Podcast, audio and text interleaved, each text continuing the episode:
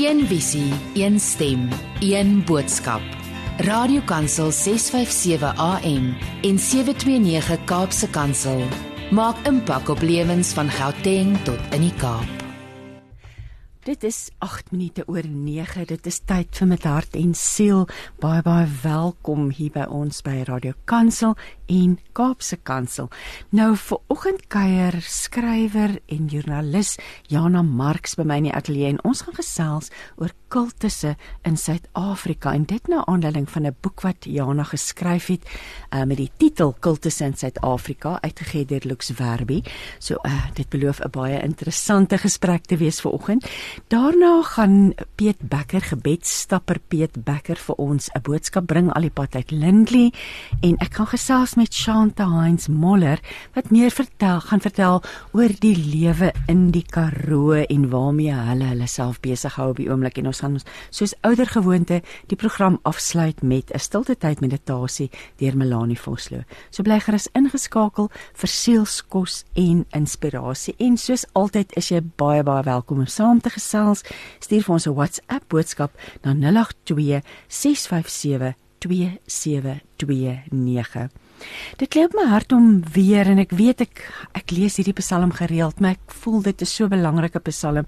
Psalm 91 wat sê: As jy na die Allerhoogste toe gaan, dat hy jou moet oppas, kan jy van een ding seker wees: die Almagtige God sal jou bewaar. Jy kan vir die Here sê: U beskerm en bewaar my. U is my God op wie ek vertrou. Dis die Here wat jou uit die moeilikheid kom haal. As iemand jou met skelmstreke om die bos gelei het, hy bly getrou aan jou.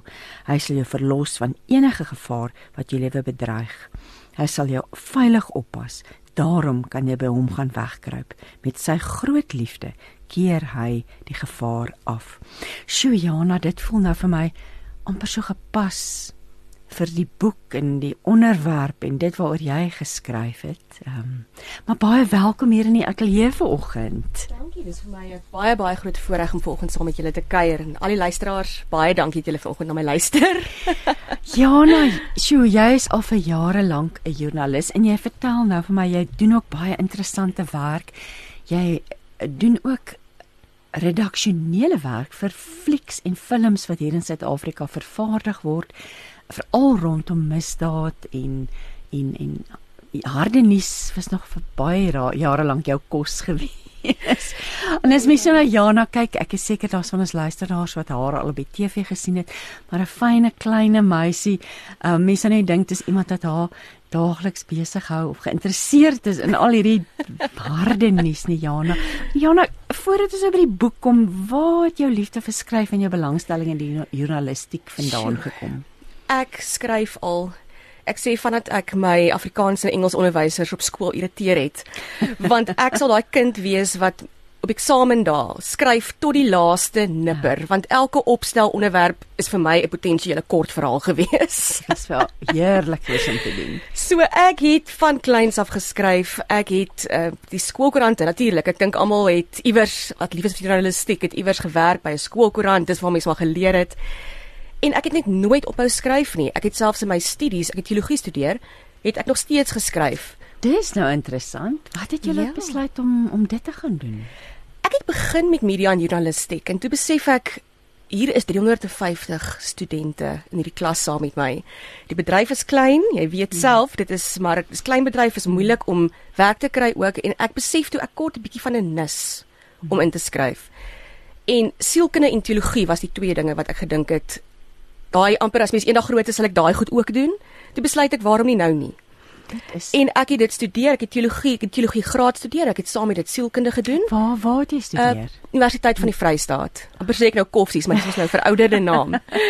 my Universiteit van die Vrystaat. Vrystaat. En terwyl ek studeer het, het ek nog steeds gewerk in die journalistiek. Nee, maar dit is eintlik 'n wonderlike ding want aan die een kant leer jy die Bybel en aan die ander kant hou jy besig met die wêreld, die harde feite van die wêreld. So hoe lekker om die twee net te kombineer nie. Ongelooflik. En ek sê ook ehm um, altyd my gemeente lyk 'n bietjie anders. ek staan dalk nie in 'n kerk nie. Ek is wel 'n lidmaat van 'n kerk, maar dis vir my heerlik. Ek het nog altyd gevoel my my roeping is nie Ja. op 'n preekstoel te wees nie. My ja, soos jy sê die wêreld is my preekstoel. Ja, ek wil nou hier lees wat Stefan Joubert geskryf het oor oor hierdie boek Kultusse in Suid-Afrika. Menslike wolwe het nog nooit hulle vermommings verander nie. Vandag nog dra hulle skaapklere. Steeds kom hulle in sulke vroom vermommings na ons toe en daarom dat ons ons eie hart goed moet oppas asook die van almal rondom ons. Jo, kultusse in Suid-Afrika. Wel jy is uiters gekwalifiseerd om daaroor te geskryf of of hierdie boek te geskryf het. Wat het jou laat besluit om die boek te skryf? Hoe die paadjie tot hier geloop want jy was ook betrokke by die Devilsdorp reeks op TV. Ja, dit is eintlik interessant. Hierdie boek is 'n gevolg van my eerste boek.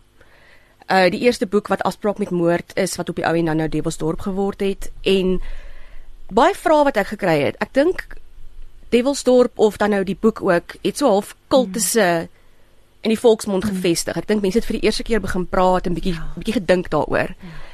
En ek het ontsettend baie vrae gekry rondom kultusse waar mense regtig paniekerig raak en sê, "Hoorie, maar hoe weet ek ehm um, ek is deel van so Ja, iets?" want dit is waar ons vandag gaan gesels, jy weet. Presies. En of ek het iemand wat ek voor lief is wat deel is van so 'n groep. Ehm um, hoe kom hulle daar uit? En mense het het 'n opregte angs gehad van sê nou maar net ek beland per ongeluk in so iets. Kan dit gebeur? Hoe beland mens daarin of hoe kom jy daar uit as jy eers daarin is? So en jy het net besef daar's 'n behoefte. Absolute behoefte, maar ook in die tyd waarin ons lewe, weet jy, Dit Christine. is al dit is vir my nogal alhoewel dit dalk seker ek wil amper sê dit is 'n bietjie vreesaanjaend om te dink dat ons 'n boek moet skryf oor kultusse dat ons dat ons in 'n tyd leef mense assosieer dit was kultusse met Amerika. Mm. Dis waar ons soort van die eerste keer daarvan gehoor het. Ehm um, en maar dat dit in ons eie land ook is, nee. En ek dink wat vir my so interessant was is juis om te besef dat kultusse nie net 'n godsdienstige ding is nie. Dis nie net 'n kerk wat bietjie die sy roete verloor het nie. Dit is of sy weg verloor het nie. Dit jy kan kultiese gedrag kry in so baie van jou alledaagse verhoudinge. Want jy behandel dit ook en ons gaan nou-nou daarby uitkom want jy jy praat van korporatiewe kultusse, 'n moord en gedagtebeheer kultusse. Daarvan is natuurlik uh, Charles Manson ons ek dink onmiddellik aan hom en dan natuurlik nou Cecilia van Devilsdorp um, wat daar ek, ek weet nie hoeveel van ons luisteraars bewus is wat dit gesien het die reeks nie van die moorde in Kreersdorp. Ehm um, natuurlik sekskultusse, politieke kultusse. Jy, jy behandel hulle almal en dan praat ons gaan ons lekker praat oor die tekens en die gevare. Wat doen 'n kultus? Wat is 'n kultus?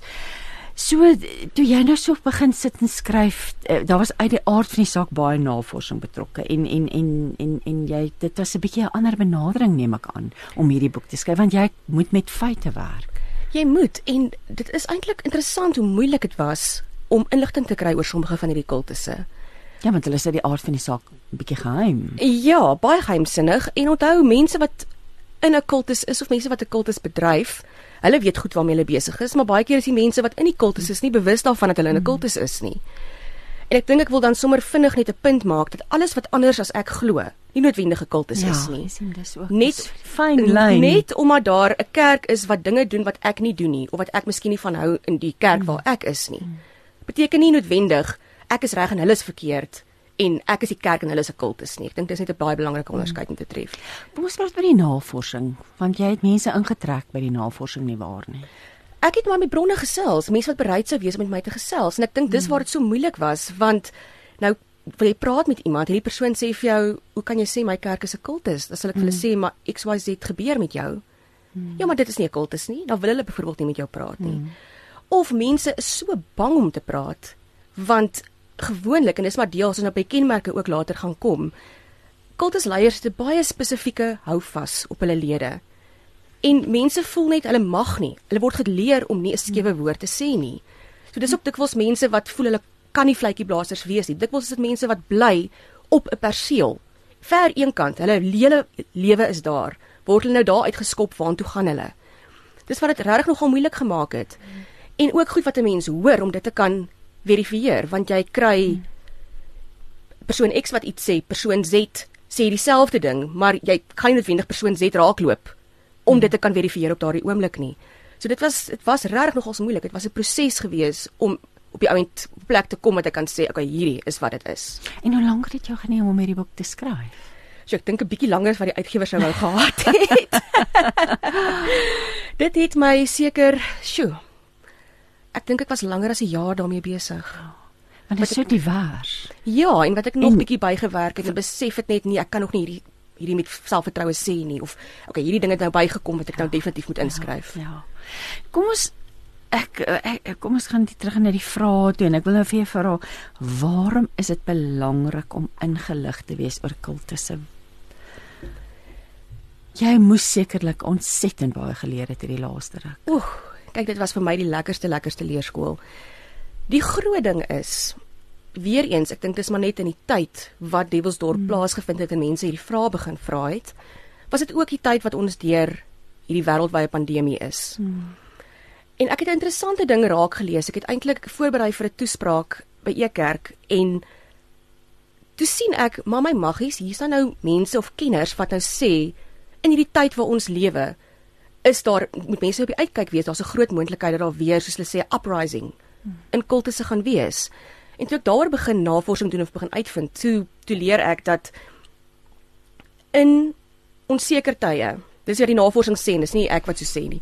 In onseker tye gedui kultusse, want mense is onseker, mense het ontsettend baie vrae, hulle het baie godsvrae. En dan kry jy hierdie kwaksalwers wat die geleentheid sien en hierdie groep begin en ek dit kan in die, in die lyn van 'n kultus of 'n kerk dan nou wees. Dit kan ook 'n slenter wees. Mense dink hoe mense mense val, gereeld val vir slenters.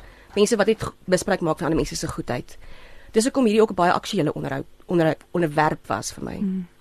Maar jy's reg oor en die isolasie, so mense kon uitreik op ander maniere, gesigloos amper nê, via die internet of en gevoel en kon voel hulle behoort aan 'n groep maar is in die proses mislei. Wat is die kenmerk van 'n kultus? Kom ons begin daar want dis tog belangrik om te weet wat is 'n kultus. Ek dink om 'n kultus te verstaan, moet ons begin by wat is 'n kerk. En dan wil ek net weer ook noem dat 'n ander iemand wat anders as ek glo, nie noodwendig 'n kultus is nie. Dis net ek maak dit daai punt oor en oor en oor want ons gebruik kultus so ligtelik. Hmm. Maar 'n kerk is nou maar die gewone hoofstroomkerke wat ons almal ken. Jy het jou enige kerk of jou gereformeerde kerk of jou baptiste kerk, jou van die charismatiese kerke. Dit is jou groot geloofsgroepe. Dis is gevestigde godsdienste. 'n Kultus en ek wil amper nog 'n dingetjie inwerk en ek beskryf dit in my boek ook. Dan kry jy 'n sekte.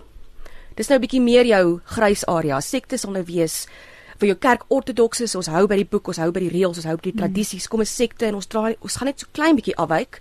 Ehm um, ons is nie noodwendig ons is nie noodwendig die pad byster of iets nie. Hmm. Ons voel ons het die regte waarheid weet dalk doen ons ietsie anders. Ons glo bietjie anders, ons hou bietjie anders miskien nagmaal.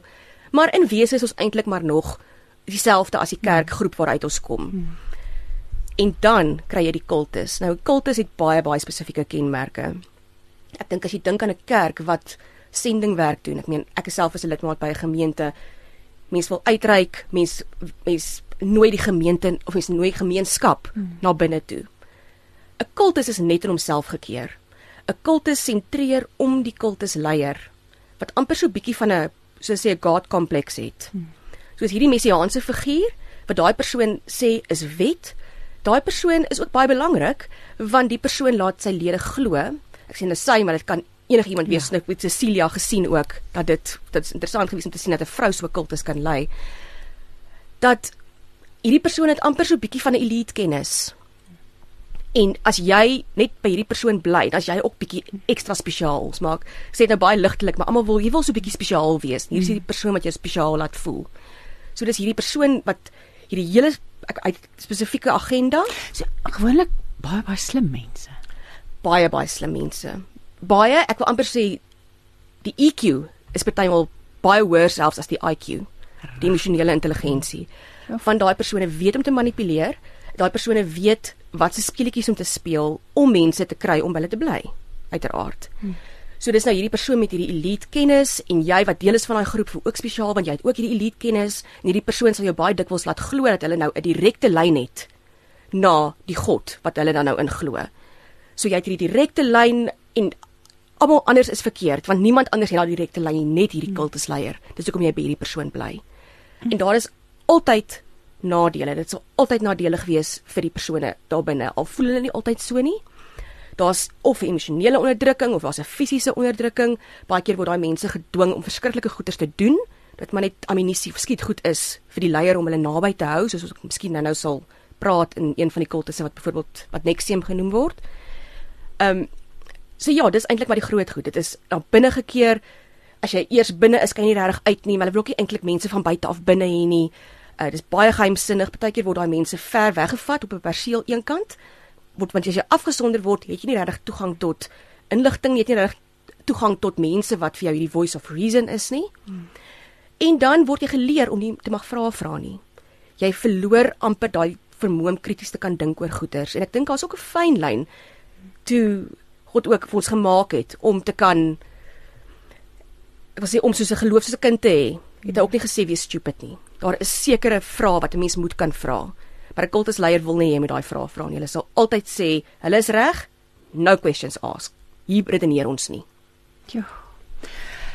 En 'n kultus hoef ook nie groot te wees nie. Dit kan net 'n handjievol mense bestaan. Dit kan 'n handjievol mense wees. Ek dink as mens kyk na Electus Perdeus wat ja. die Cecilia Stein, die Kreersdorp moorde kultus ja. was.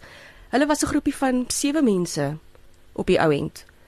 So dit kan 'n kleiner groepie wees. Dit kan daai kultiese gedrag kan selfs in 'n liefdesverhouding voorkom. Waar ek miskien in 'n toksiese verhouding staan met iemand of met selfs 'n vriend of 'n vriendin of in 'n werksverhouding kan daai kultiese gedrag ook voorkom. Jy het nou die kenmerke van 'n kultus genoem. Wat hoe weet 'n mens of die groep of die kerk waaraan jy behoort nie dalk 'n kultus is nie? Boonbehalwe hierdie kenmerke, is daar ander gevaartekens? Daar gebeur dikwels goed wat 'n mens moet besef is nie oukei okay nie. Ek dink as mens nou baie prakties wil dink, die oomblik as die wet oortree word, as daar doem in jou gesig gespuit word, om kamstig demone weg te jaag.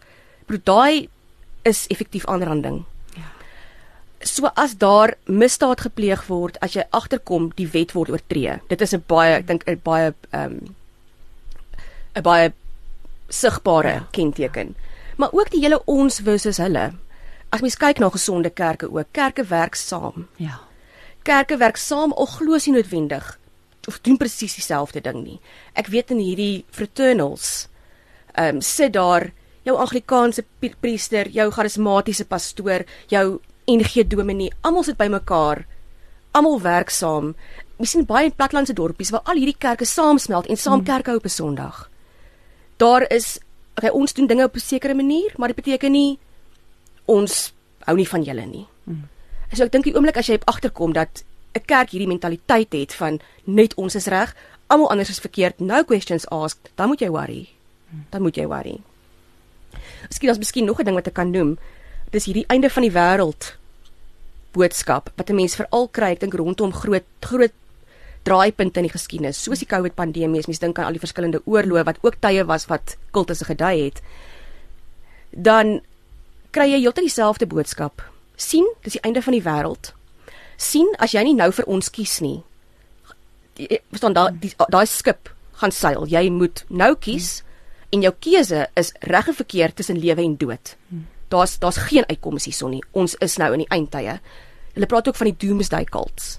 Ja. Dis 'n baie is 'n baie gesogte manier om 'n kultus te bedryf om te sê dat ons is in die eindtye en wat jy nou besluit is wat jou jou toekoms gaan wees. Is dit weer eens ons is blootgestel aan TV en aan aan aan weet ons die res van die wêreld is dit iets wat voel vir my amper meer in Amerika gefokus is of het ons dit hier in Suid-Afrika ook definitief in Suid-Afrika ook ek dink net ons sien dit ook nie altyd raak nie ehm um, maar daar is 'n hele klompie kerke en ek wens eintlik 'n mens kon op die oomblik alles insluit ek mis die boek is ook net so dik hmm. maar daar is soveel kerke hulle praat van hierdie onafhanklike kerke wat nie noodwendig inpas nie, wat nie noodwendig dopgehou word nie, wat eenvoudig doen wat hulle wil en dan praat ek van enige iets waar mense se geld alles vat, mense laat mense oortuig daar is ons omdat ons nou in die eindtye is, so net daaroor gepraat. Hoekom het jy 'n langtermynplan? Nee man, betaal jou pensioen oor aan ons. Jesus kom in die volgende week, bring hy pensioen. Want dis my volgende vraag nou want kultus rig skade aan daar daar's 'n negativiteit rondom kultusse. So wat is in jou waarneming want jy het nou 'n klomp van hierdie bestudeer. Wat is die moet ons hulle maar net los dat hulle aangaan hulle ou dingetjie doen nie. O, weet as mense so so daaroor praat nie. Wat is die skade wat hulle aanreg en wat is die skade vir die koninkryk? Die skade as ek net dink emosioneel familielede met wie ek gepraat het waar 'n ma by my huil omdat haar kind vasgevang is in so 'n kerk. Hmm. Dit raak nie net daai persone nie. Daai persone spesifiek nie altyd eers. Hmm hulle word benadeel in die proses nie. Dit raak mense om hulle wat voel hulle hande is afgekap, wat voel hulle weet nie hoe om daai persoon daar uit te kry nie. En dan natuurlik die groot probleem van hierdie goed word gedoen in die naam van die Here. Ja. Ek dink nie 'n kerk moet mense laat voel.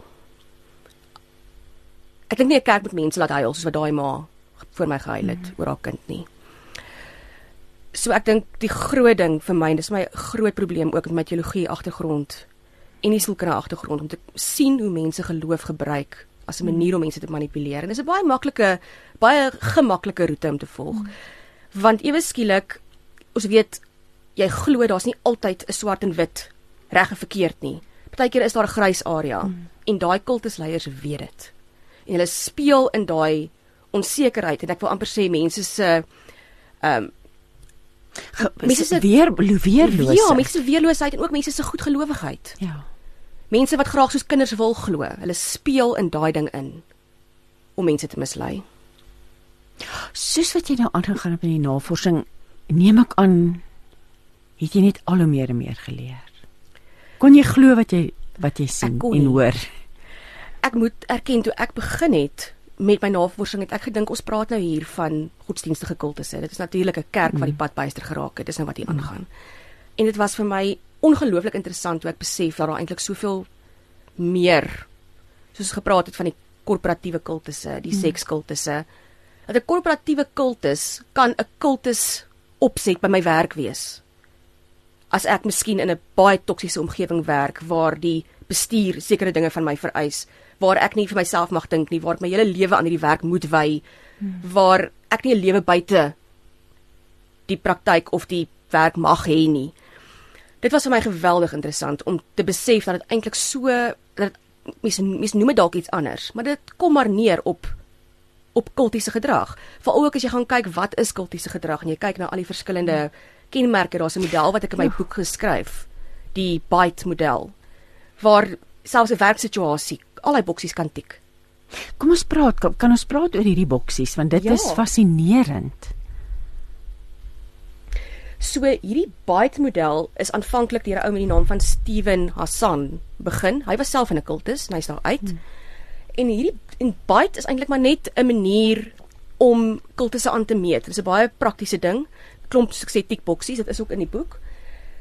En dan praat so die BITE staan vir behavior, information, thought and emotion. Dis daai emotional, dis daai vier dinge hmm. waarop 'n kultusleier moet inspel om iemand in 'n kultus te kan hou. So dit is 'n baie gekontroleerde manier van doen. Kultusse gebeur nie net nie. Hmm. Dit is nie net 'n ding wat iemand slaan nie een oggend op en besluit kom ek begin 'n kultus en dis sommer oornag wat gestig word nie. Dis 'n baie berekende proses, 'n baie berekende indoktrinasie, breinspoel as jy wil. So wat behavior betref, dat jou gedagte beheer wees. Jy reguleer 'n individu se fisiese werklikheid. Dalk vat jy hom uit sy omgewing uit. Um iewers op 'n compound. Jy moet basies as 'n kultusleier, ek praat nou as ek sê nou maar jy's 'n hmm. kultusleier, moet jy basies daai persoon se werklikheid weer dit afbreek en jy moet dit oorbou. So jy reguleer alles. Jy reguleer klere, jy reguleer haarstyle. Ek kan byvoorbeeld dink aan Cecilia Stein haar ek praat net maar so omdat dis iemand wat die, lesers ook ken haar beste vriendin het elke oggend vir haar gebel en vir haar gesê hoorie wat trek jy aan vandag en dan daai persoon het aangegaan as Cecilia haar hare so skeer dan skeer almal hare so. Cecilia daai tatoeëermerk kry kry almal daai tatoeëermerk. So hulle beheer baie basiese goederes van jou. 'n lid moet toestemming vra vir groot besluite. Ek het nogal iemand um, Erika Borman wat was wat in die KwaZulu-Natal was is ook in die boek. Sy het vir my byvoorbeeld ook gesê, jy weet, ehm um, sy was so ligtelik eendag in 'n gesprek het sy gesels en gesê gelowiges vra God vir raad. Mense is Abantu vra vir oorlede Erlostegen. Hy is nou so rukkie terug as hy oorlede. Dan is daar natuurlik goed soos 'n um, bietjie meer fisiese goed, slaanery, verskriklike mense word verskriklik geslaan of kry vers, kinders kry verskriklik pak want dit is nou hoe ons hierdie mense moet mense moet hierdie vrees, ons moet die vrees inboesem by hierdie mense. So selfs onder volwassenes is daar dan geweld. Selfs onder volwassenes, ja. En dit kan baie lelike seksuele orgies goeters ook insluit. Dan nou af watter soort kultus jy na kyk. Dan inligtingbeheer, misleiding natuurlik. Daai ding van jy nie, mag nie meer die vrae vra nie. Ehm um, daar word vir die kultuslede gejok. Maar hulle mag dit nie bevraagteken nie.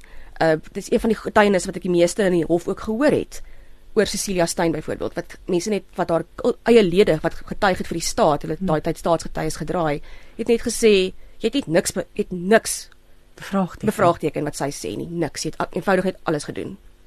En isolasie, yes. jy het dit ook genoem, hulle word weggevat. So so selfs hulle word geïsoleer van vriende, van hmm. Ja. En jy word nie eers noodwendig net geïsoleer op 'n aparte perseel iewers ver van mm. almal af uit die beskawing uit nie. Ook, Dit ja. kan emosioneel ook wees. Daai persoon laat jou verstaan dat almal met wie jy eintlik te doen kry, wat miskien vraagtekens het oor hierdie groep waarna jy ja. behoort, daai ja. mense is verkeerd. En al wat jy dan doen is jy sny bande met daai mense. Waar ek het met byvoorbeeld uh, met die ma, lieflike lieflike vrou van Michaela Valentine, sy is mos ook vermoor mm. in die groep, in die groep. Ehm um, mm Ja, wat, sy was mos 'n lid gewees. Ja, sy was 'n lid ja, toe sy op die ja, ouend vermoor. Ja. En haar ma sê ook, daar was 'n tyd wat Mikaela net nie meer met haar gepraat het nie. Hmm. Wat sy eenvoudig net so min as moontlik met haar te doen gekry het, nie meer wou kom kuier nie. Hmm. En dis omdat Cecilia gesê het, daai mense weet weet nie waarvan hulle praat nie, hulle is verkeerd, onthou ons het die waarheid weet. As jy oor enigiets twyfel, ek as wat ek sê is wet. Hmm. Dan die gedagtebeheer, ek is nou nog by die by die byte model nê. Ja die gedagtebeheer dis 'n hele lang proses en die groep se werklikheid word die individu se werklikheid want onthou die hele groep ontstaan rondom die ideologie van hierdie leier hmm. so daai ideologie wat die leier eintlik nou verkondig dit word die groep se ideologie die groep begin dink dit is al wat reg is dis al wat wet is dis al wat sin maak ek kry ook baie keer dat mense se name verander ek weet van 'n korporatiewe ehm um, kultus en ek kon dit nie vinnig genoeg voor druktyd bevestig vir die boek nie, maar dis 'n kultus waar mense byvoorbeeld inkom. Jy begin dis eintlik 'n se werk, jy, jy jy kom vir jou werk.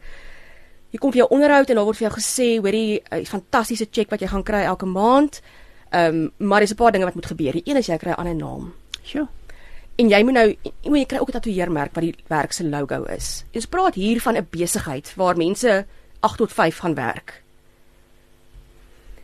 Dis eintlik skokkend. Ja. En dan natuurlik die emosionele beheer wat gaan oor die ja, manipulasie. Ja. Daai mense word baie keer daar word hulle so veilige omgewing geskep dat hulle klomp geheime vertel. En dan is dit geheime wat hierdie kultus leier op die ouend teen hulle kan hou of gebruik as amnisie as hulle op die ouend sê maar ek wil graag uitgaan of ek ehm um, ek kan nie meer saamstem met wat julle doen nie. So dit maniere om mense te hou. Ja ek is eintlik versom oor die goed wat ek hoor en ek nog so klomp vra en ek wil ook aan die einde wil ek ook sê ons moet ook praat oor mense wat dan wel kon wegkom. Ek wil graag daaroor ook praat want ons is nou nog bietjie vasgevang in die maar dit is die realiteit daarvan ons moet oor hierdie goed praat. Voor die musiek net gou 'n laaste vragie. Ek wil weet, so ons weet nou hoe lyk die kultus en waarvoor 'n mens moet uitkyk. Hoe lyk die tipe persoon wat dan by kultus betrokke raak? Kan dit met enige een van ons gebeur? Ek dink mense wat Devilsdorp gekyk het, sal ook besef as mens dink aan die mense wat die moorde gepleeg het, wat gewone mense was, mm. uh, gewerk het by jou versekeraars of jou onderwyser mm. by 'n baie goeie ja, skool. Ja. En ek dink as jy ook kyk na die tipe slagoffers, dit is jou gewone mense wat opgedaag het vir 'n afspraak. Hulle praat mos van die afspraakmoorde. Ja. So die die eiendomsagent of die finansiële makelaar of hoe ook al.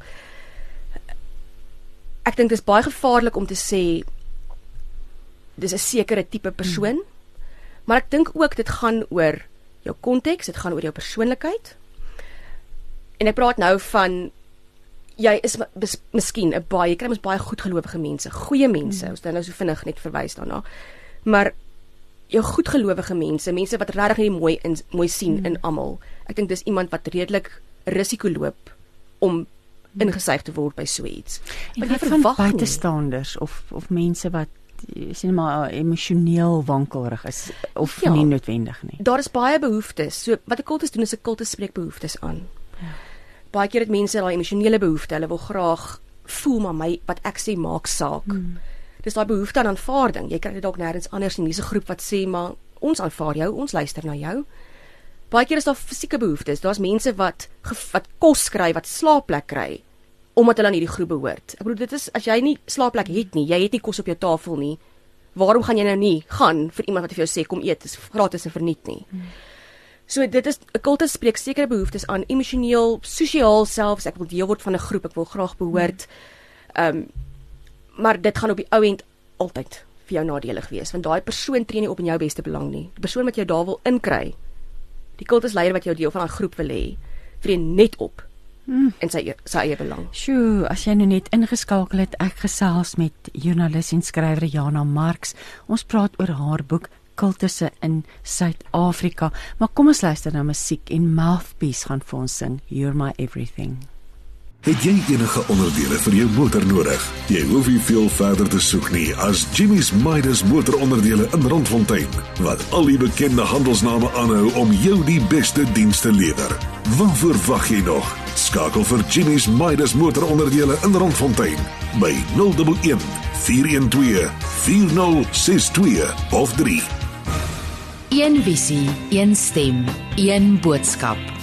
Radiokansel 657 AM en 729 Kaapse Kansel maak impak op lewens van Gauteng tot in die Kaap.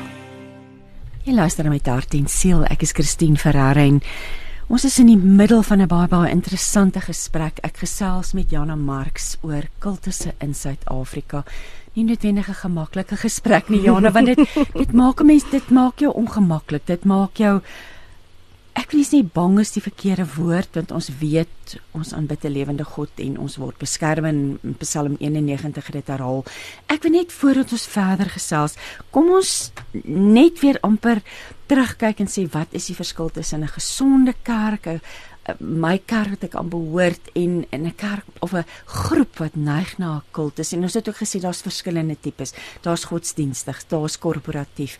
Ehm um, dit dit is nie net beperk tot maar dit begin dikwels deur 'n godsdienstige groepering. Maar wat is hoe lyk 'n gesonde kerk weer? Ek dink dis nou regtig soos jy sê jou twee teenpole, 'n ja. kerk en 'n kultus. 'n Kerk sal 'n kerk leef na buite, 'n kerk nooi die gemeenskap in. Die kerk weet predikant of die pastoor is maar net die mondstuk. Daar word niks, daar's nie verheerliking aan hierdie persoon nie. Dis weer is maar net die mondstuk waardeur daar gepreek, waardeur God praat. 'n Kerk is ook nie iemand wat sal sê maar net ons is reg en almal anders is verkeerd en die pad byster en ons het die ons het die regte waarheid nie waar 'n kultus doen nou weer alles teenoorgestelde. Die kultus is na binne gekeer. 'n Kultus dien net die kultusleier. Onthou 'n kultus bestaan omdat daar 'n kultusleier is. 'n Kultusleier stel 'n kultus om die persoon op om hom te dien, om sy ideologie te bevorder. Hulle sal nie noodwendig mense van buite af wil innooi nie. Daar's 'n hele proses. Hulle moet jou eers soos hulle sê bietjie wet. En as jy eers in is, kan jy nie regtig weer uit nie dis hierdie ons versus hulle. Ons is reg, almal anders is verkeerd. Elke dominee, predikant, ag pastoor wat al ooit vir jou iets gesê het is verkeerd. En hierdie mense word afgesonder. Waar ons sê altyd ek, ek onthou met my teologie studies het ons gesê ek daar was iewers iemand kan my dalk nou help om die regte aanhaling te kry, maar 'n goeie dominee staan met die Bybel in een hand en 'n koerant in die ander. Jy weet, ja. jy jy preek met die realiteit. En daai En by 'n kultus is daar net die ideologie en dit dien net daai groeplede. Dit dien niemand anders nie. Daar is nie 'n realiteit binne. Daar's 'n daar's amper 'n 'n skeef getrekte realiteit. Ja, dit jy stel dit eintlik nou baie duidelik en baie helder. So mens dis amper maklik om dit raak te sien, maar dis nie regtig so maklik nie. As jy eers aan vasgevang is, word jy om Ja, jy weet om golf, dis so 'n golf wat oor jou gespoel het en jy's deel daarvan. Jy het nou verwys na 'n ma want ons hierdie hierdie kultus het geweldige geweldige uh, gevolge op gesinne, op families. En jy het nou verwys dat die ma wat by jou sit na hulle. Maar ek wil nou vir jou vra en dis 'n belangrike vraag want daar's dalk mense wat luister vandag en en begin wonder, maar is my kind nie dalk, is my man, is my vrou nie dalk by 'n kultus betrokke nie? Um uit die aard van die saak moet mens ordentlik ondersoek instel en 'n mens moet jou Mm. vra vra en ek dink nie mens moet sommer net aannames maak nie, nê. Maar dis waar hierdie boek ons gaan lei. Um wat doen ek as ek vermoed 'n geliefde is in 'n kultus vasgevang? Ek dink die eerste ding wat jy nie doen nie en dit is nie ek wat so sê nie, dis inligting wat ek kry by mense wat uit so 'n groep is. Hmm. Moenie die kommunikasiekanale sny nie. Net omdat jy nie hou van wat daar gebeur nie, moenie ophou om kontak te maak of kontak te hê met hierdie persoon nie. Ja. Hou daai kanale oop. Soos jy sê, doen navorsing, lees soveel as moontlik na. Ehm um, praat met mense wat gekwalifiseerd is om hierdie goed te hanteer. Hmm. Dit kan wees jou eie pastoor of dominee. Dit kan wees 'n kliniese sielkundige. Iemand wat weet hoe hierdie goeters werk.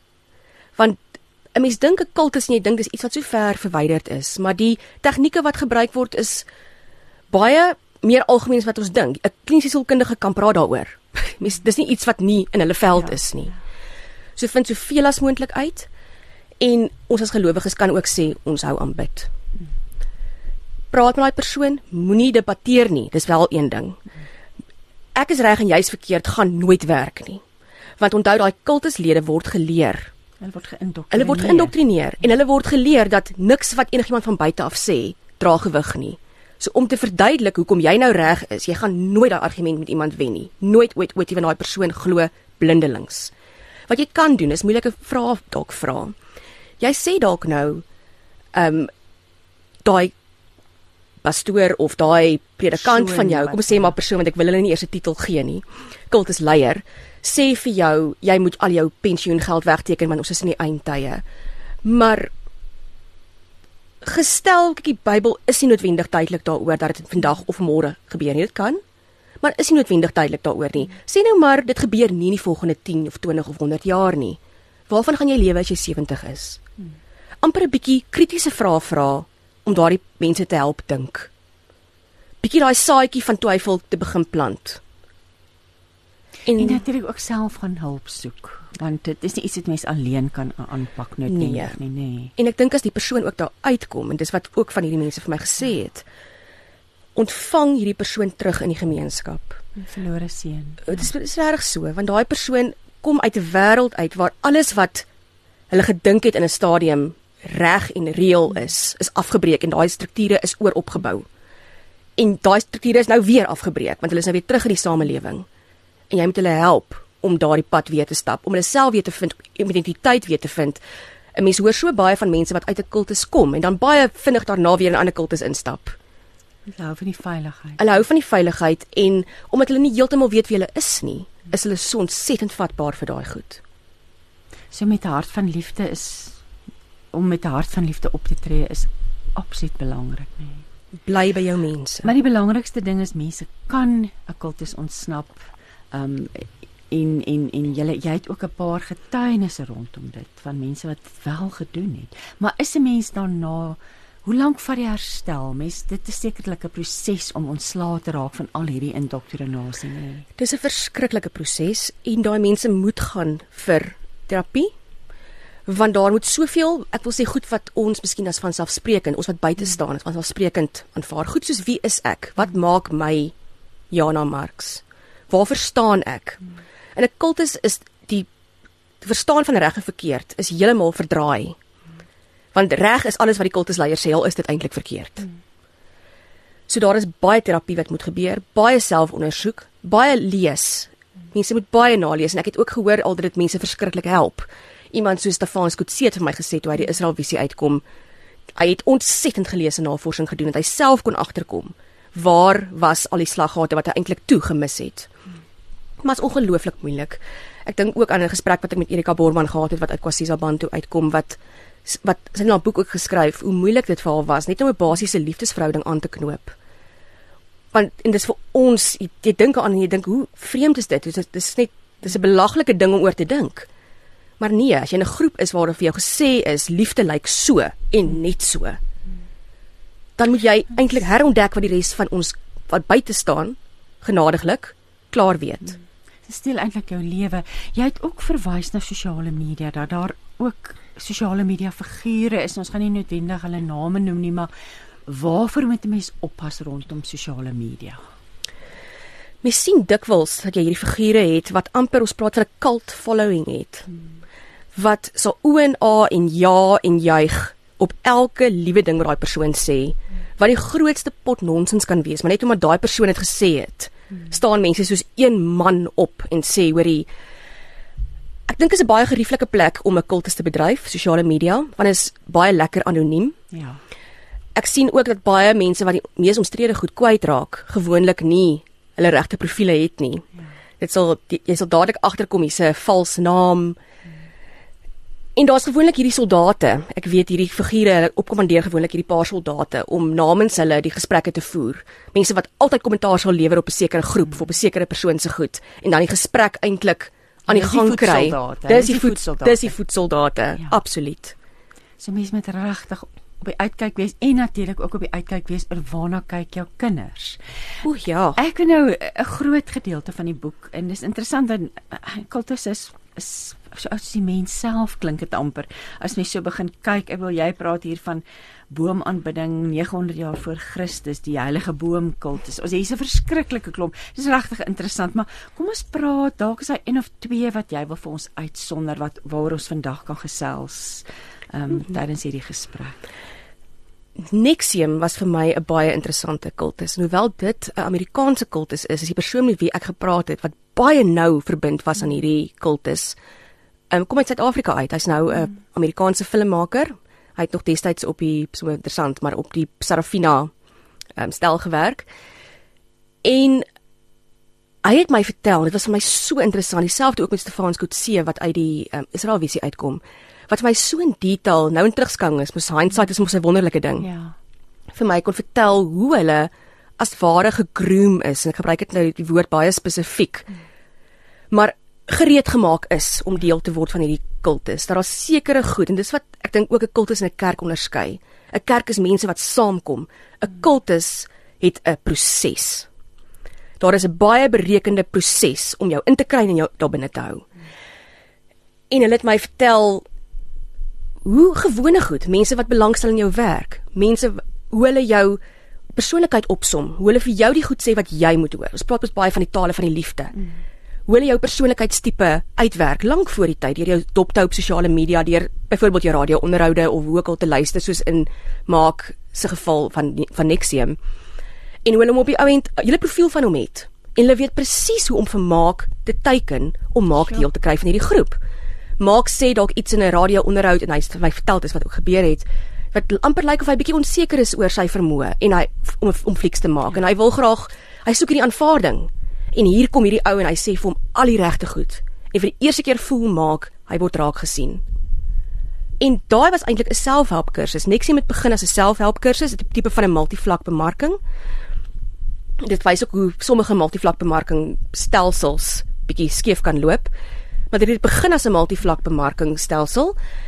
En die volgende ding was hier hierdie hierdie kerngroepie. Daar is ook 'n reeks um, op juffrou Stroomers kanale The Well wat spesifiek gaan oor hierdie klein kerngroepie binne Nexium wat gaan wat net 'n klomp seksslawe is vir die leier. So dit was vir my 'n baie interessante een want hy kon vir my in soveel detail vertel hoe hulle hom gereed gemaak het oor 'n klompie jare en die goed wat hulle vir hom gesê het om hom daar te kry En hy is toe weer uit. en hy is toe weer uit. Maar eers na nadat hy soos 15 jaar van sy lewe verbygegaan het.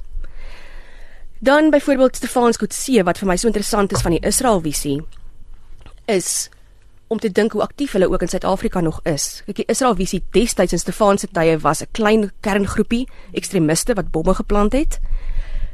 Deesdae is dit 'n sambreel organisasie met 'n klomp, ek sê splinterkerkies onder hulle en baie geheimsinnig. Dit is seker die groep waar ek die die waar, groep waarmee ek die meeste gesukkel het om inligting te kry. Want hierdie ouens het daar's fake groepe, daar's fake profile. Dit is so moeilik om jy, jy moet deel wees van 'n groep en dan word jy nou moet jy klomp vrae antwoord. Jy word nie sommer net jy kan net 'n groep gaan join soos hulle sê nie. Jy word gewet om in hierdie groep te wees. So dit was vir my baie interessant om te weet dat daai mense vandag nog aan die gang is, baie meer geheimsinnig as wat ons dink, maar ook baie digitaal. Hoe die, die digitale platforms eintlik hulle plek van werwing geword het. Hier op Facebook rekruut ons, op Twitter rekruut ons. Baie baie interessant. So daai was vir my persoonlik twee baie interessante kultusse. Dis my interessant. Ons het al daaroor begin praat, maar hierdie so makel tussen jy het wye hele hoofstuk daaraan. Ehm um, is ek dink dit is net absoluut belangrik dat as 'n mens enigsins dink dat een van jou familielede betrokke is, moet jy gaan kyk. En dan hoekom is ons as Suid-Afrikaners so kwesbaar? Jy of so baie van ons so kwesbaar. Um, ons leef maar in moeilike tye, daar's baie uitdagings. Maak dit ons meer kwesbaar vir uh daarvan daarvoor om in 'n 'n 'n kultus by 'n kultus betrokke te raak. Ek dink Suid-Afrika, ons het ook 'n geskiedenis onthou se geskiedenis waar daar nie baie lank gelede nie nog vir ons vertel is wat ons mag glo en daar baie sensuur toegepas is. Ons is 'n baie jong demokrasie om vrae te vra is 'n ding wat ons nog nie baie lank doen nie. Hmm. Om kritiese vrae te vra. Ja. Ek dink daarmee saamloop ook goedgelowigheid. Uh mense wat regtig glo in die goedheid van mense wat 'n wonderlike eienskap is, maar 'n gevaarlike eienskap is as jy net blindelings glo in goedheid van mense, want ongelukkig lewe ons in 'n wêreld waar mense nie noodwendig goeie mense is nie. So ek dink dit is definitief ons konteks en ook Suid-Afrika is 'n ongelooflike godsdienstige land. Ons is een van die mees dienstige lande in die wêreld. Ek dink by die vorige sensus nou weer is dit net so 87% van ons land wat gesê het of van die mense wat gestem deelgeneem het aan die sensus wat gesê het maar on, en nie is net gelowig nie, hulle is Christelik. Ja. Of dit nou 'n gevestigde groep is of 'n deel is van 'n huiskerk, mense wat sê hulle is Christene. Dat die Christenboeg is ontsettend wyd. Hier's nou 'n luisteraar wat sê uh, ons moet nie die vrou messelary buite rekening laat nie. Beslis. Jo, ja, nou ek wil so afsy ons ons gesprek afsluit en ek wil net vir jou vra watter impak want jy jy kom met 'n absolute intellektuele aanslag jy kom met 'n geloofsaanslag jy's goed toegerus gewees om hierdie boek te skryf watter impak het hierdie boek op jou lewe gehad ek dink nogal dikwels daaroor en ek dink vir my en dis miskien ook die joernalis in my ek vra maar baie vrae soos hulle sal sê ek's inquisitive by nature. Ek ek moet wees. Hmm.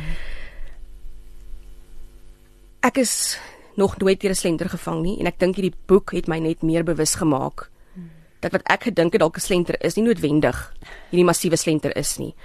Of dat daar goed nader aan my is wat eintlik meer van 'n slenter kan wees waarby ek dalk alreeds vir vir geldjie gee elke maand of wat ook al. So ek dink dit het my baie meer paraat gemaak in my onmiddellike omgewing en ek dink dit het daai onderskeid van 'n kultus is 'n groot ding ek sal hom sien dat net 'n naambord Ja. Daai ding van my weggevat het ek besef het daai kultiese gedrag kan gebeur by die werk, kan gebeur in verhoudings met vriende, in romantiese verhoudings, in familiegroepe en dat ek nie oukei hoef te wees daarmee nie. Ek dink dat 'n mens die vraag moet vra. Ja. Nie net van jy is nou moeilik nie. Wees dan nou maar bietjie moeilik. Wie is jy die een wat dan nou? Wie is jy dan nou die een wat bietjie moeilik is? Tot jou eie beskerming nie. Beslis. Jou oë oopgemaak. Sjoe, ek wil net vir ons luisteraars die titel van die boek herhaal. Dit is Kultusse in Suid-Afrika. Dit is geskryf deur Jana Marx, uitgegee deur Lux Verbi. Daar's ook voor en 'n nawoord deur Stefan Joubert en Ja, kyk nou in hoofstuk 19 if it looks like a duck. Dit sê absoluut alles en ek dink ons ons moet getrou bly aan die woord en ons moet ons mm. vra vra en ek hou van wat jy sê die kerk laat mense binne. Die kerk laat almal welkom voel. Ons leef oop.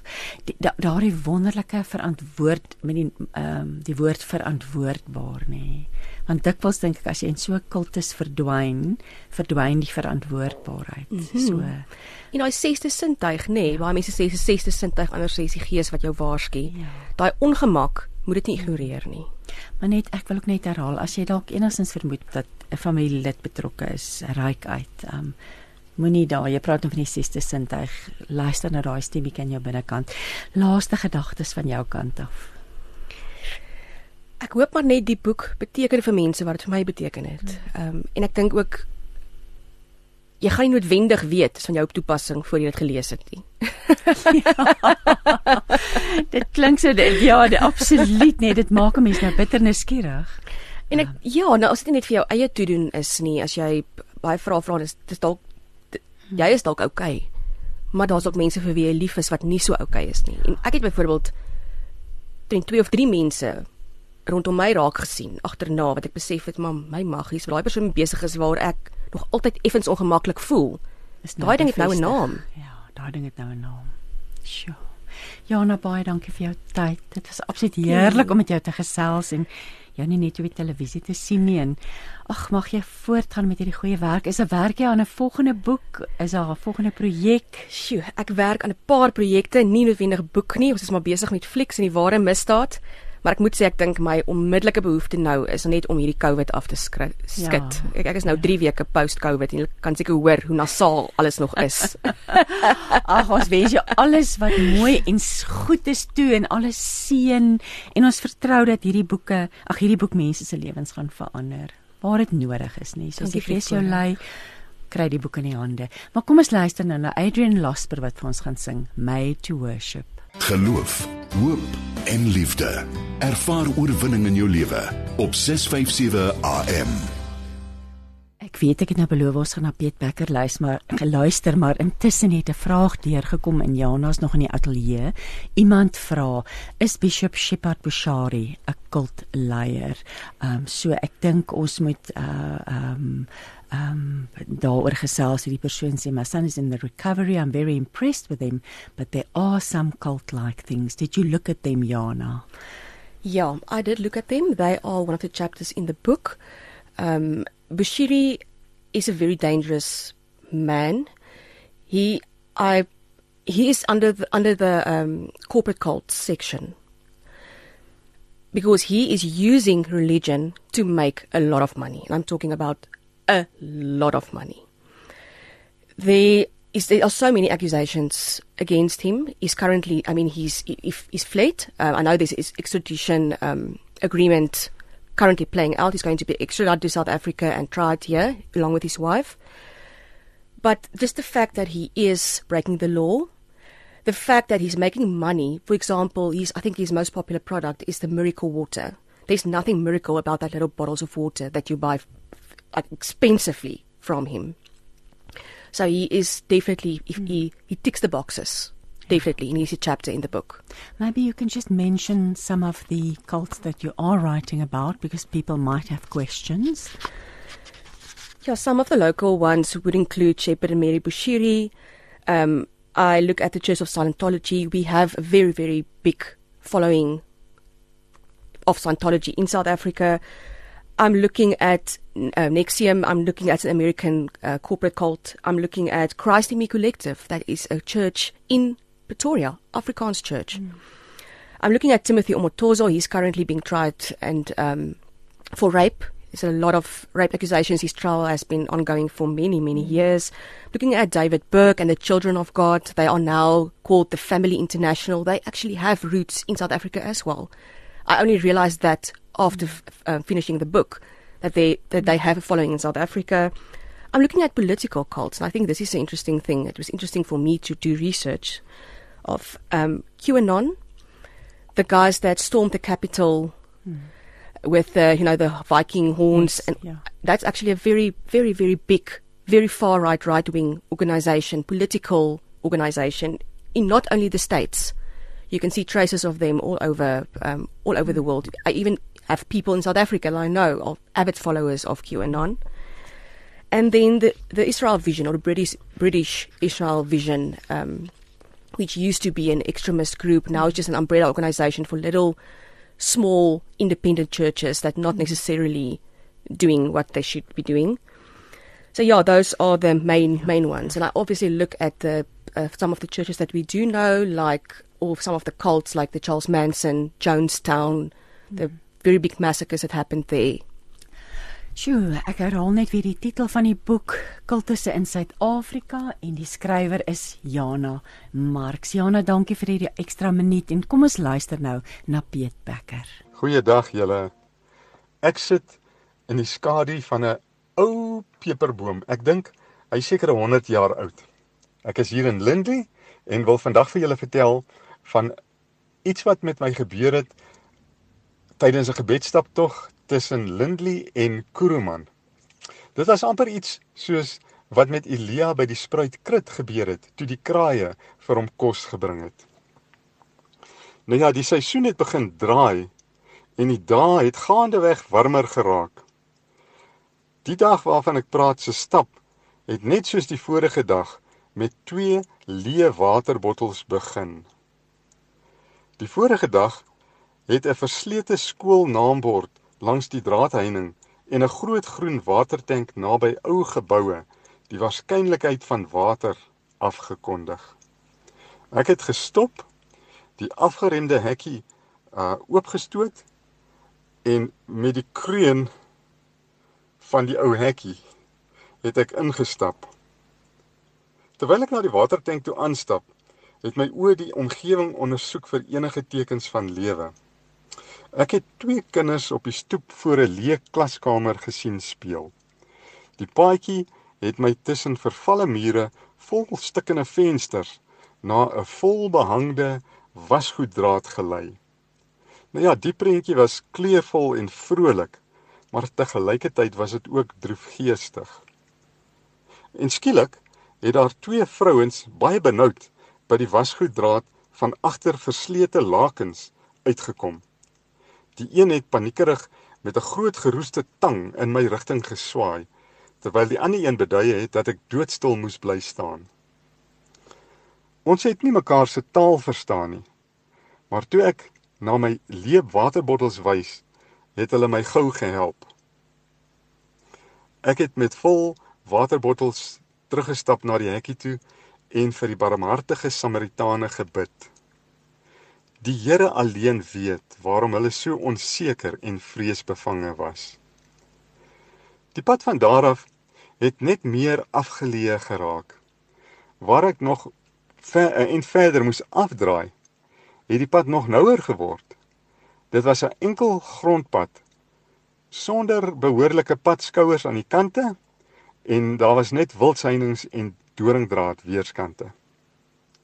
Laatmiddag het ek nog gestap en kon ek nog nêrens plek sien om my tent op te slaan vir die aand se oorslaap nie. Ek het ewe hoopvol die een na die ander bult aanhou uit bly uitstap. Uiteindelik was daar na die laaste bult 'n lang afdraande pad met 'n pragtige uitsig. Die vallei was opsigtelik droog en ek het geweet dat ek sou moes uitkyk vir 'n slaapplek wat nie in lyn van enige moontlike veldbrand sou wees nie. Heel onder aan die lang afdraande was daar 'n rivierstroompie. Dis nou soos Elias se spruitkrit, né? Die heininge aan weerskante van die pad het daar ook verder weggestaan. So dit was vir my nogal die perfekte slaapplek. Ek het my tent opgeslaan en heerlik geslaap. Met vandag, daardie dag nou, se oggendskemering, het ek bestek geneem van my watersituasie. Dit was beroerd. As die pad vorentoe weer soos gister sou lyk, was die kans om water langs die pad te kry maar skraal. Ek het gebid en gevra dat die Here sou voorsien waar my twee waterbottels nou weer eens leeg was en ek moes daardie dag 42 km af lê. Ek sou beslis die water nodig gehad het. So, daar's nou nog 'n ding wat ek moet bysê. Ek maak nooit vuur langs die pad nie. Maar buiten vir die water wat ek nou nie gehad het nie, sou 'n koppie koffie in die fris oggendwyntjie nogal heel goed afgegaan het. Met die tent opgeslaan of afgeslaan en teruggepak in my rugsak, is ek teen die walletjie op om aan te stap. 'n Boer het stil gehou om te verneem na my welstand.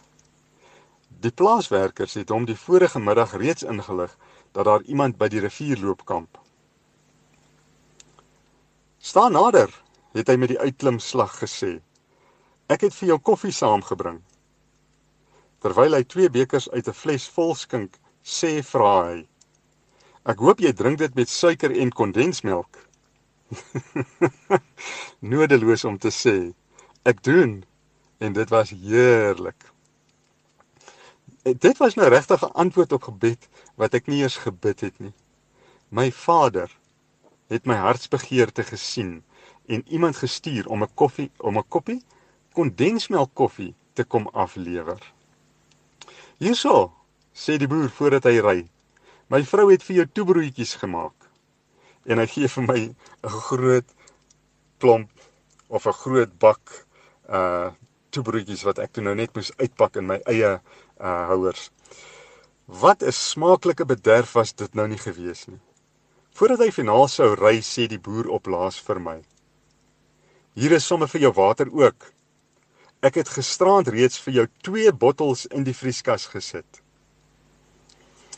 Nou wat 'n besonderse antwoord op gebed. Ek het vanoggend vir die Here gevra om vir my te sorg vir water vir die dag, want my 2 waterbottels was leeg. Maar gisteraand ek het vanoggend gebid, maar gisteraand was daar al reeds vir my 2 bottels vol getap. Terwyl ek daardie warm dag teug vir yskoue teug water drink, kon ek nie help om aan die vers in Jesaja te dink nie. Daar word beskryf hoe dat God nog voordat jy bid, alreeds die begeerte van jou hart ken en daarop reageer. Voor hulle nog roep, sal ek antwoord. Terwyl hulle nog praat, sal ek hulle gebed verhoor. So sê dit in so sê die Here in Jesaja 65 vers 24. En ag man, mag dit vir jou so wees vir vandag. Mag jy God raak sien nog voordat jy hom begin soek. Mag jy antwoord op jou gebed ervaar nog voordat jy vra. En mag jy vandag in sy lig wandel soos wat dit uitgespreek word in Jesaja 58 vers 8. Dan sal jou lig deurbreek soos die oggendskemering en jou herstel sal spoedig aanbreek. Jou geregtigheid sal jou vooruitloop en die heerlikheid van die Here sal jou agterhoede dek. Amen. Amen. Kom ons luister na Matt Redman wat gaan sing Gracefully Broken. Deel ons passie vir die lewe op 657 Radio Kansel en 729 Kaapse Kansel. Het jy al gedink sê Bernice Borman, nou sit nou vir Shante op die lyn al die pad uit Karnavon uh op die plaas daar tussen Vosburg en Karnavon in die Karoo. Môre Shante. Môre Christine. Ai, as jy darm weet hoe hulle boer kan jy kan as jy mooi hoor dat ek gehoor waar o nee daar het jy nou verdwyn. Toe maar ons gaan weer probeer bel daar sê ek gaan intussen weer vir ons Psalm 91 lees. Ek dink dit is belangrik om onsself daaraan te herinner dat as jy na die allerhoogste na allerhoogste God toe gaan dat hy jou moet oppas kan jy van een ding seker wees. Die almagtige God sal jou bewaar. Jy kan vir die Here sê u beskerm en u bewaar my U is my God op wie ek vertrou. Dis die Here wat jou uit die moeilikheid kom haal. As iemand jou met skelm streke om die bos gelei het, hy bly getrou aan jou. Hy sal jou verlos van enige gevaar wat jou lewe bedreig. Hy sal jou veilig oppas en daarom kan jy by hom gaan wegkruip. Kruip met sy groot liefde keer hy die gevaar af. Hoe mooi is dit nie? Dit lees ook verder. Jy hoef nie bang te wees dat enige mag jou bedags of snags sal oorrompel nie en geen bose gees sal jou onverwags in besit neem nie. Maar nou het ons weer vir Shante op die lyn. Hallo Shante. Ai Christine, sorry. Dit is Anna met SKA.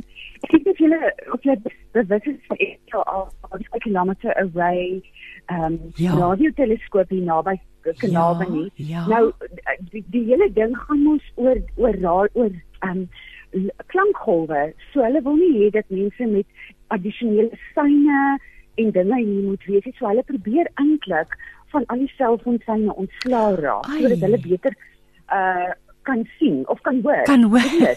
So, so dit is nou my kind Dis hoekom die syne daarmee in is by oh, ons. Aardig, maar ten minste kon ons nou vanoggend in die hande kry. Shante, ja.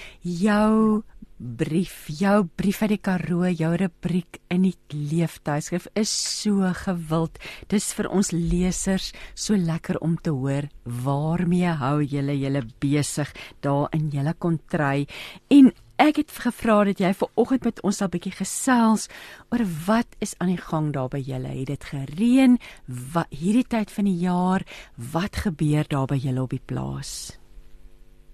ons jy vra absoluut die regte vrae Christine want dit het gereën dit het laasweek het ons weer ons het Vrydag onverwags uh 10 meter gehad en ons het die vorige week ook 10 mm gehad vir ons om hierdie tyd van die jaar reën te dit is regtig genade want gewoonlik reën dit nie deur Desember jare nie maar eers weer Februarie Maart April so oor die paasnaweek is al uit ons tyd. Maar die laat droog dat ons gehad het in 2019, 2020 regtig wel konstant nog net dan skiep ons 'n maand of twee en dan kom maar reën bytjie weer. So as ek nou sê 10 mm, ek weet dit is niks in vergelyking met wat die Kaap en dan so en al, al die ander land uit die um, plekke gehad het, maar vir ons in die Karoo is dit absoluut 'n geskenk van bowe. Beteken net ons gaan Ehm um, die veld lyk mooi en die veld is besig om te herstel. Kaap het kos vir Desember en ons kan dit weer asemhaal. Dit Ach, maak so 'n verskil. Ons prys die Here daarvoor. Jy het ook vir my ja, genoem hierdie ja. tyd van die jaar is tuin maak hoog op die agenda. Ja, ja, dit is dis nie wat ek nou so bly is oor die reën. ja, is dit oor die Maar maar kom ek sê vir jou, dit is dis 'n baie besige tyd op enige land nou. Um, ons kom nou uit die wintertyd uit en ons maak reg vir Desember. Nou almal weet Desember is kuiermaand, maar veral op 'n plaas en veral op 'n Karoo plaas. Dis dan wanneer almal weer ry see toe en sê dat by jou wil stop en wil kom nou sê en asem skep.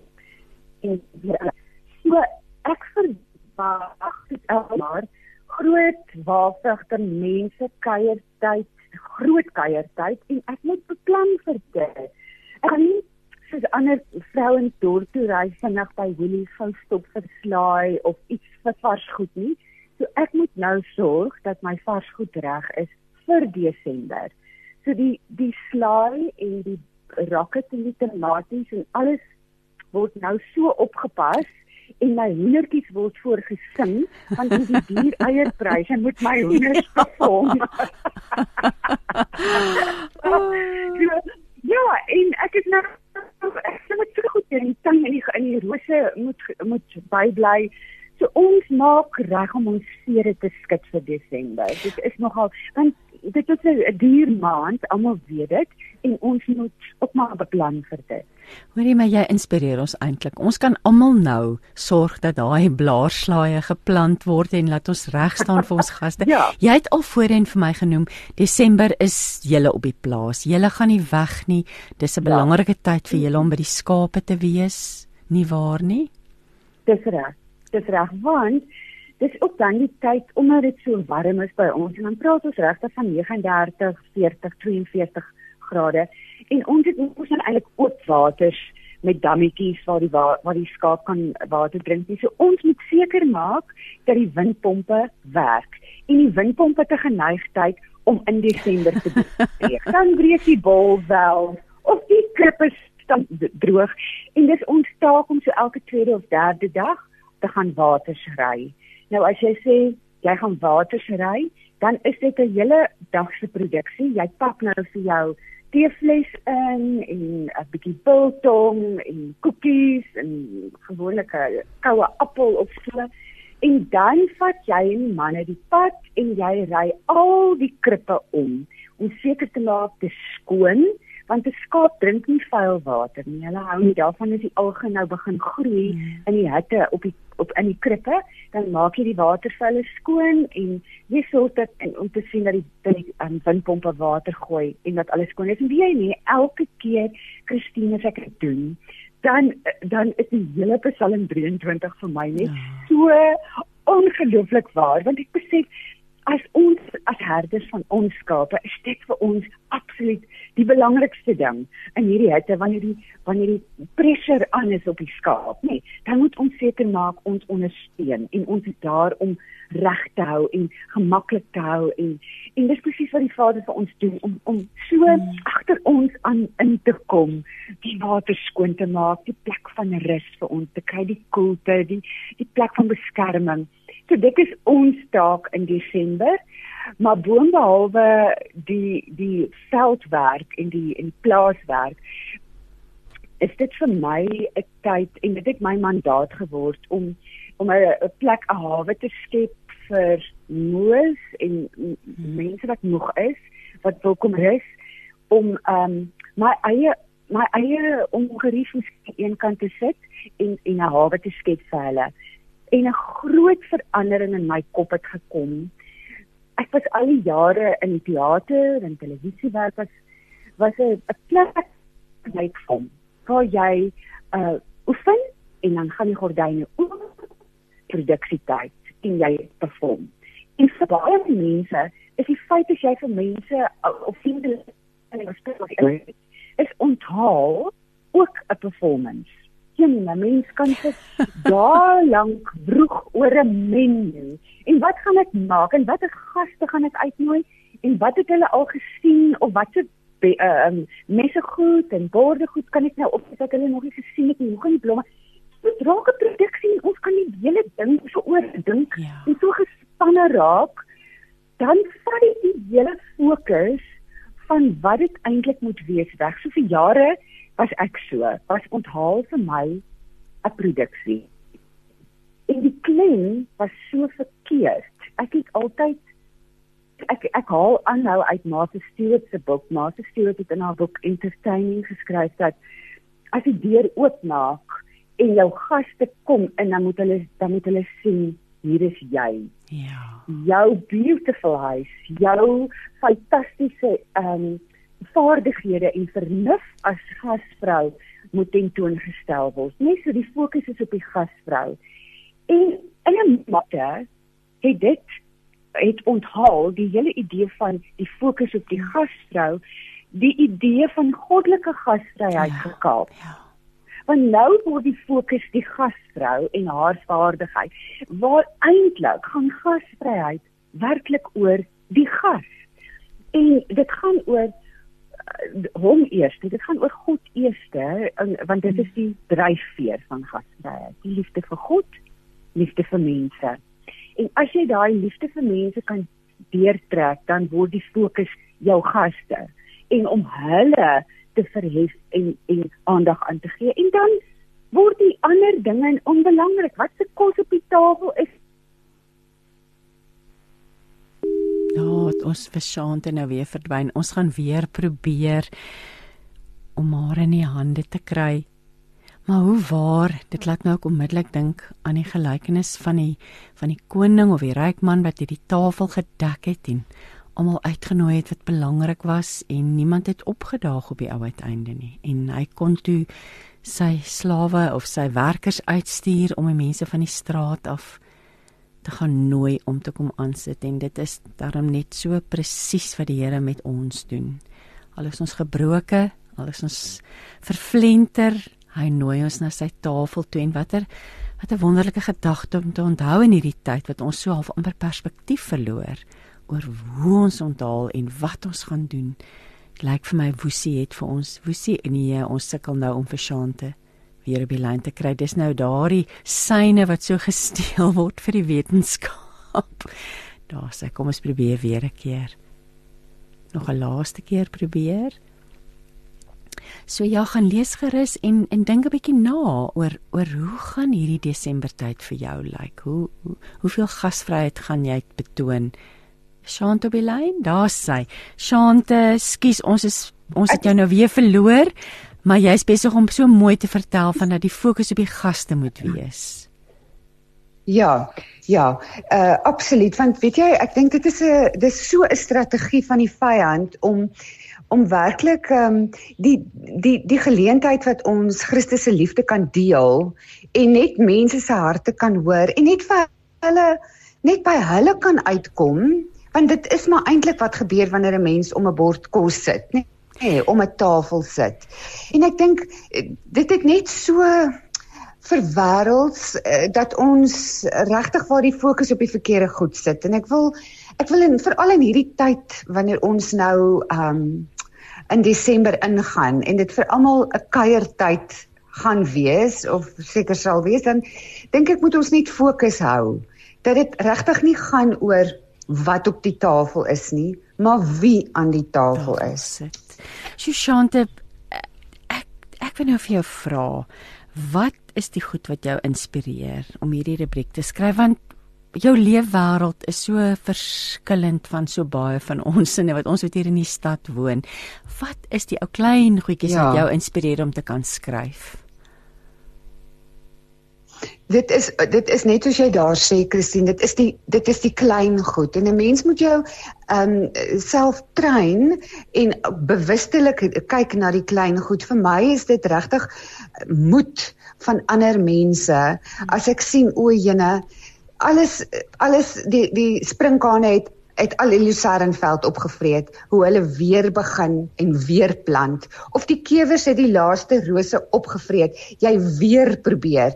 Ehm um, daar's elk daar's altyd iets wat gebeur wat mens nie voor ehm um, beplan nie. In die natuur is so want jy's mos nou maar uitgelewer aan die natuur hier.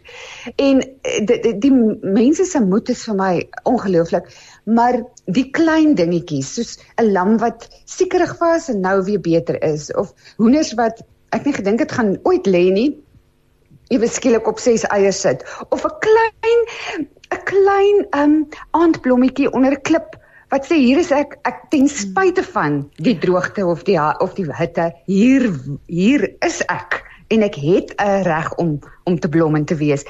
Ek eh, is baie lief vir Eva Venter se boeke trouens ek het dit begin lees toe ek op die plaas gekom het en F.A. Venter skryf in in um sy boeke Werfjoernaal vreeslik aards en in eh, dit bring 'n nostalgie en 'n heimwee en ek wil graag daai heimwee van 'n een eenvoudiger lewe weer vir mense wakker maak want dit is verkwikkend om eenvoudig te lewe. Want jou kyk en jou luister en jou hoor is totaal anders as 'n mens daar op die plaas woon, nê? Nee. Ja, ja, ja, ja. Ehm um, en 'n mens moet ehm um, ook teruggaan na dit wat jou ek dink as as kind het dit my altyd inspireer of nie inspireer nie maar dit was vir my lekker as ek lucerne ruik. Ek het nie geweet wat ek ruik nie. Ek het nie geweet wat dit is nie. Dit was vir my 'n aardse aardse reuk wat vir my verskriklik lekker was. Of die herkou van diere net daai stilte of ehm um, net die klank van 'n windpomp se eentonige op en af in die totale stilte. Dit is vir my wonderlik en ek wil dit nooit verloor nie. So ek probeer regtig bewustelik daagliks vir my hierdie klein juweeltjies laat onthou. Ehm um, in die stilte en ek dink stilte is die katalisator vir inspirasie. Absoluut, absoluut. En nou wil ek vir jou nou vra, Hoe beïnvloed wat is jou belewenis want jy is nou al hoeveel jaar op die plaas? Hoe lank is dit nou al? 18 jaar, 18 Christine. jaar op die plaas.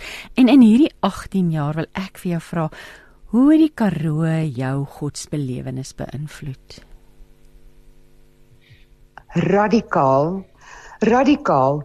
Ehm um, Weet jy wat is die een ding wat ek wat ek nogal agtergekom het ehm um, wat 'n mens baie versigtig voor moet wees as jy op 'n plaas lewe.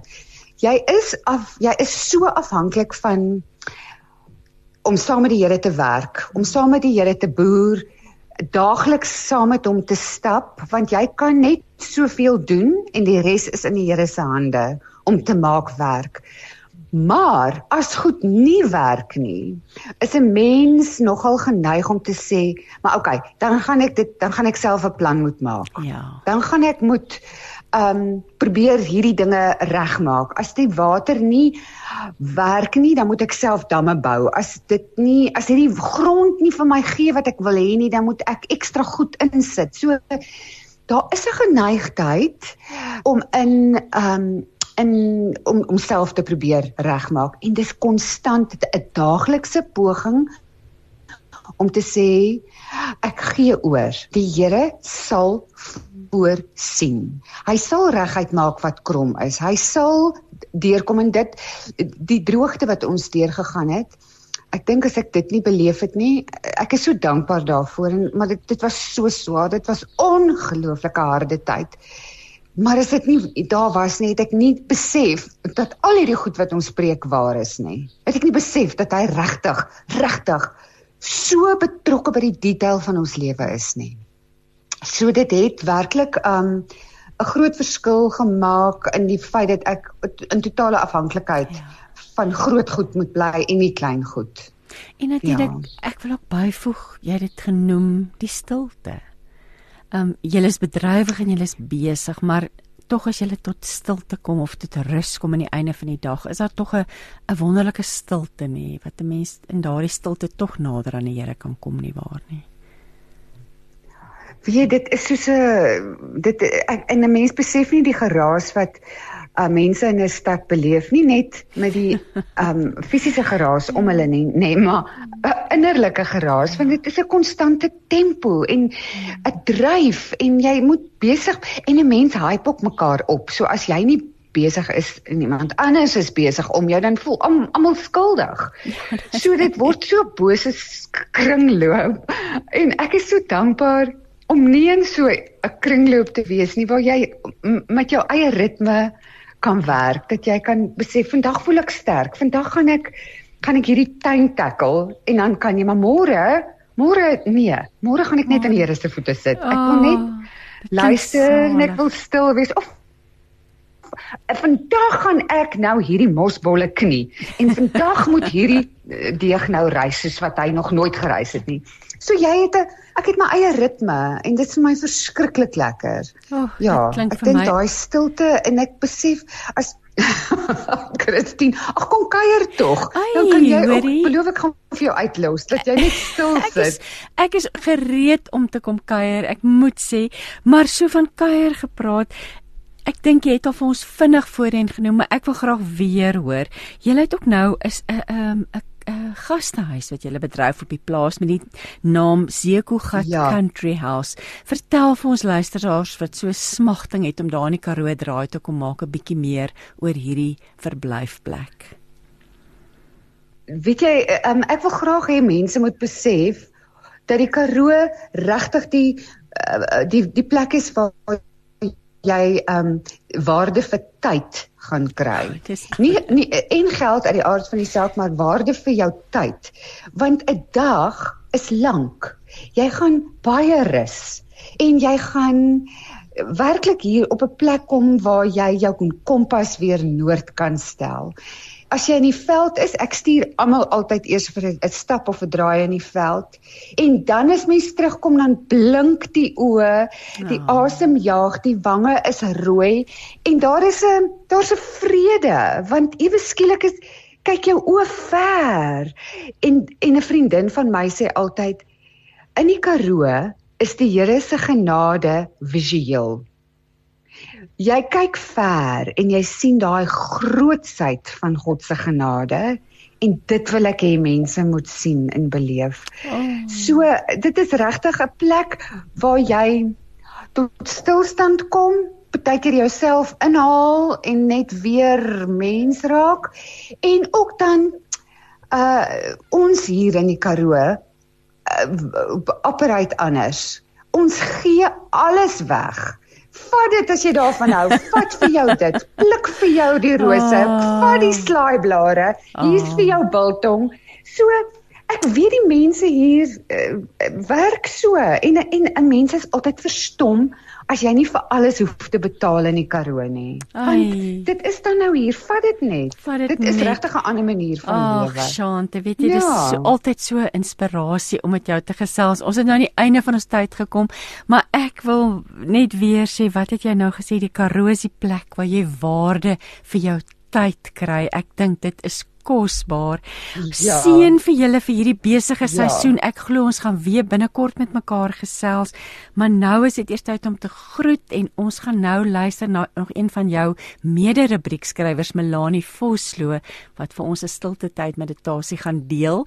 Um sommer alles wat mooi is vir julle daar die plaas. Ek wil dankie sê vir Woesie Leo vir die tegniese bystand en luisteraar. Ag, mag die Here jou seën, mag jy 'n rustigheid in jou hart hê ten spyte van hierdie aanloop tot die einde van die jaar. Laat ons ook kan leef so Shante hulle daar die plaas. Shante, alles wat mooi is vir jou. Totsiens. Dankie liewe Christine vir jou ook. Dankie dat jy weer tyd gemaak het om stil te word in God se teenwoordigheid. Mag jy iewers in jou dag tyd maak en sommer net rustig asemhaal. Voel hoe God se liefde aan jou hart raak. Beleef sy teenwoordigheid in en om jou en weet dat hy jou ken, jou liefhet en elke deel van jou hart verstaan. Silly season Dis mos die naam wat gegee is vir hierdie tyd van die jaar wat die pas al hoe vinniger word. Almal alles nou gedoen wil hê en daar ekstra spanning in die lug hang omdat ons almal maar moeg en uitgeput is. En ons is nie net fisies moeg nie. Ons is moedeloos gesukkel met 'n klomp goed. Ons het net nie meer energie om elke dag mooi en bedaagsaam en vriendelik met alle mense te wees nie. Ja, want ons is nou lekker geïrriteerd so asof ons geduld en nice wees voorraad uitgeloop het en ons nou net nie meer kan vriendelik wees nie. Die volgende dinge kan jou dalk help as jy ook nou so voel. Eerstens maak veral nou dat jou pas so vinnig is, tyd om by jouself uit te kom. Ja, ek weet ons almal probeer almal gelukkig hou in hierdie dae, maar jy moet ook by jouself uitkom. Jy kan nie aan ander vrede en goedheid en liefde gee as jy self onrustig is nie. Ja, word vir 'n oomblik stil. Herken en erken die gewoel in jou hart. Erken die onrus en die spanning. Ja, staan stil en voel, sien en hoor wat jy op hierdie oomblik in jou hart beleef. Wees eerlik met jouself. En dan in die tweede plek, moet jy tyd maak om ook al hierdie dinge voor God uit te pak. Ons weet al dat tyd by hom nooit verspilde tyd is nie en dat hoe besigger ons raak, hoe meer belangrik dit is dat ons tyd sal maak om stilte by hom te vind. Onthou God weet hoe jy voel. Maar die waarheid is dat wanneer ek en jy hierdie emosies vir hom gee, met hom daaroor praat en toelaat dat hy aan ons hart raak, dan verander daar iets in ons. Nie noodwendig die ander mense, onsself of ons omstandighede nie, maar ons word dalk bietjie sagter. Sal ons vind dat ons tog 'n bietjie meer vrede het. Die derde ding is ook dat wanneer ons in hierdie tyd so besig raak, ons mos soos 'n masjien funksioneer. Ons sit ons koppe eenvoudig neer en hardloop na die doelpaal toe sonder om asem te haal, sonder om links en regs te kyk. Ons probeer net een dag na die ander een oorleef. Wil jou nooi om in hierdie dae te probeer om bewustelik te leef. Moenie toelaat dat die lewe by jou verby flits nie. Word stil en voel net weer die lewe in jou, om jou. sien die mooi, ruik die rose, proe die lekkertes op jou bord. Raak aan jou geliefdes en voel hulle liefde vir jou. Hoor die vrolike gechirp van die wakker word voels. Geniet 'n lekker koppie koffie of tee. Stadig. Ja, maak net weer 'n slag jou oë, ore en jou hart oop vir al die skoonheid om jou. En dan laastens, dink elke dag aan die dinge waarvoor jy dankbaar kan wees. Ja, ek weet dis 'n klise en ons is nie altyd lus om te hoor dat ons nog dankbaar oop behoort te wees as dit moeilik met ons gaan nie. Maar die oomblik wat ek en jy gaan sit en dink waaroor en waarvoor ons dankbaar kan wees, dan vind daar 'n skuif in ons plaas. Ons omstandighede bly dalk dieselfde, maar ons raak weer op 'n ander manier bewus van die baie dinge waarvoor ons maar net kan sê dankie. Die dinge wat ons steeds het. Die vreugdes wat ons steeds kan lys. Die mooi wat ons steeds kan geniet en die voorregte wat ek en jy het. En dan lesbes. Moenie jouself en die lewe te ernstig opneem nie. Die wêreld gaan nie val as jy nie alles vir almal is nie. Die wêreld is op jou Vader se skouers in sy almagtige hande. Kom ek en jy doen net elke dag wat ons kan doen. Maak tyd om by hierdie Vader te gaan sit. Kom ons sien weer die goedheid en die mooiheid bewustelik raak. En kom ons onthou sommer net weer waarvoor ons kan dankbaar wees. Bid saam met my. Here, ek is soos 'n regte ou masjien wat net aangaan en aangaan. Ek kyk nie links, regs, bo of onder nie. En nou besef ek, Here, dat ek eintlik sielsongelukkig is. Ek wil nie 'n masjien nie, Here, ek wil 'n mens wees. 'n Mens wat voel, 'n mens wat kan ontvang en kan gee, 'n mens wat liefhet. Here, bring my tot stilstand en help my om in hierdie dae u rus en u vrede in te drink diep genoeg asem te haal sodat ek u goedheid in my kan voel spoel. Here gee asseblief aan my u lig, u waarheid, u goedheid en veral Here u vrede. Amen. Een visie, een stem, een boodskap. Radiokansel 657 AM en 729 Kaapse Kansel maak impak op lewens van Gauteng tot in die Kaap.